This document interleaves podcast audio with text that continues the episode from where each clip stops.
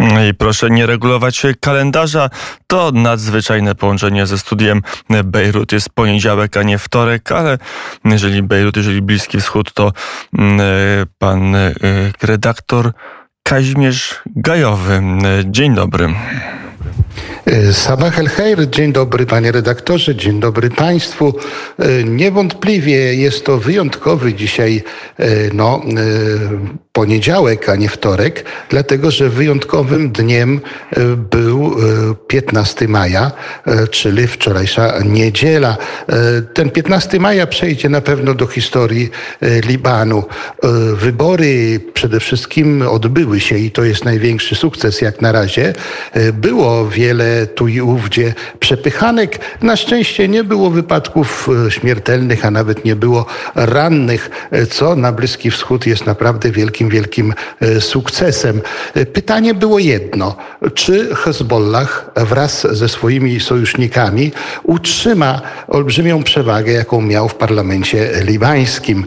E, już przed wyborami mówiliśmy często w naszych audycjach radiowych, Radia Wnet, Studia Bejrut, że szykuje się przełom. No i dzisiejsze, no takie jeszcze powiedziałbym niepewne informacje pochodzące z gazet, no bo te gazety zamykały swoje numery dzisiaj rano, kiedy jeszcze nie było żadnych oficjalnych wyników, jednak jest wszędzie mowa o przełomie.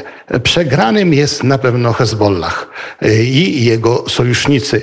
Głównym wygranym wydaje się być ugrupowanie chrześcijańskiej prawicy, tak zwanych sił libańskich, na czele których stoi no, stary polityk, jeżeli chodzi o swoją powiedzmy karierę, Samir Dżadża. Także szykuje się wielki przełom. Jeżeli to będzie prawda, będzie się naprawdę działo wiele, wiele w tych nadchodzących dniach. Jest to o tyle ciekawe, że ten przełom otworzy nam dopływ pieniędzy z całego świata, e, z Międzynarodowego Funduszu Walutowego, e, z krajów takich chociażby jak Francja, e, gdzie czekają miliardy przeznaczone na odbudowę Libanu. Jednak warunkiem było właśnie to, by doszło do przełomu, by Liban na nowo stał się krajem demokratycznym i na pewno jest to święto demokracji. To jest jedyny kraj na Bliskim Wschodzie poza Izraelem, gdzie rzeczywiście biała kartka z imionami, napisami, z partiami ma jakiekolwiek powiedzmy znaczenie. Prezydent Libanu Michel Aoun jeszcze przed wyborami powiedział, że najważniejsza rewolucja to nie ta, która odbywa się na ulicach, ale ta, która odbywa się przed urnami wyborczymi. I stał się prawie że prorokiem. Sam sobie E, w cudzysłowie można powiedzieć, wykrakał swoją własną przegraną. Przecież wiemy, że partia e, Michela Auna, partia e, postępowa chrześcijańska, która jest partnerem Hezbollahu, chyba będzie największym przegranym.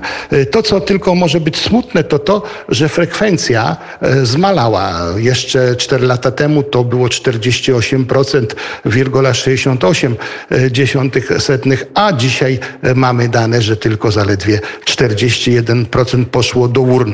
Jednak kto nie poszedł, prawdopodobnie też y, było to swego rodzaju protestem y, przeciwko niektórym, y, no bym powiedział, parciom, jakie Hezbollah czynił nawet na kandydatów. Wielu z nich się z tego powodu wycofało. Jednym słowem, działo się bardzo wiele wczoraj. Dzisiaj rano czekamy na oficjalne wizyty, wyniki i mamy nadzieję, że rzeczywiście będzie to powiew nowego dla tego pięknego kraju cedrów, jakim jest Liban. Mm, to jeszcze dwa tematy musimy poruszyć. Po pierwsze, mm, zastrzelenie albo nawet zabicie, bo takie też pojawiają się słowa dziennikarki Al Jazeera przez izraelskich żołnierzy. Wydaje się, że ten incydent ma swoją kontynuację, że oburzenie w świecie arabskim, ale też w świecie, w, w Europie nie, nie milknie. Y, Oczywiście tutaj w Libanie odbiło się e, szerokim echem e, to zdarzenie przykre.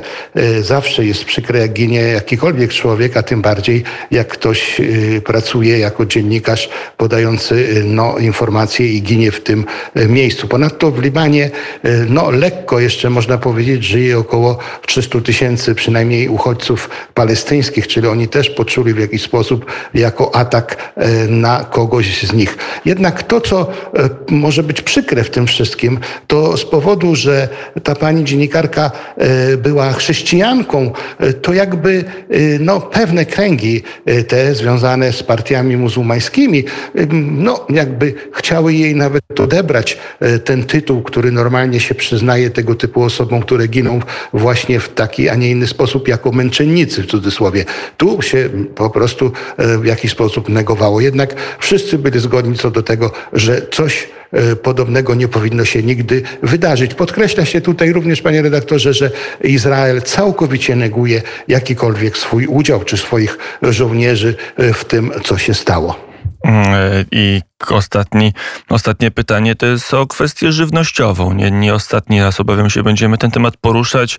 E, Czy na Bliskim Wschodzie, czy w Libanie już się odczuwa gospodarcze skutki wojny na Ukrainie? Y, Liban odczuwał y, skutki y, no, tej wojny na Ukrainie od pierwszego dnia. Przede wszystkim dlatego, że ponad 80% y, zbóż z których pochodzą później różnego rodzaju mąki, pochodził y, właśnie z Ukrainy. Y, Jeszcze tego dokładnie nie odczuliśmy, bo jednak te dostawy wcześniejsze w jakiś sposób zostały tutaj w Libanie zmagazynowane. Jednak już mamy trudności z zakupem chociażby mąki.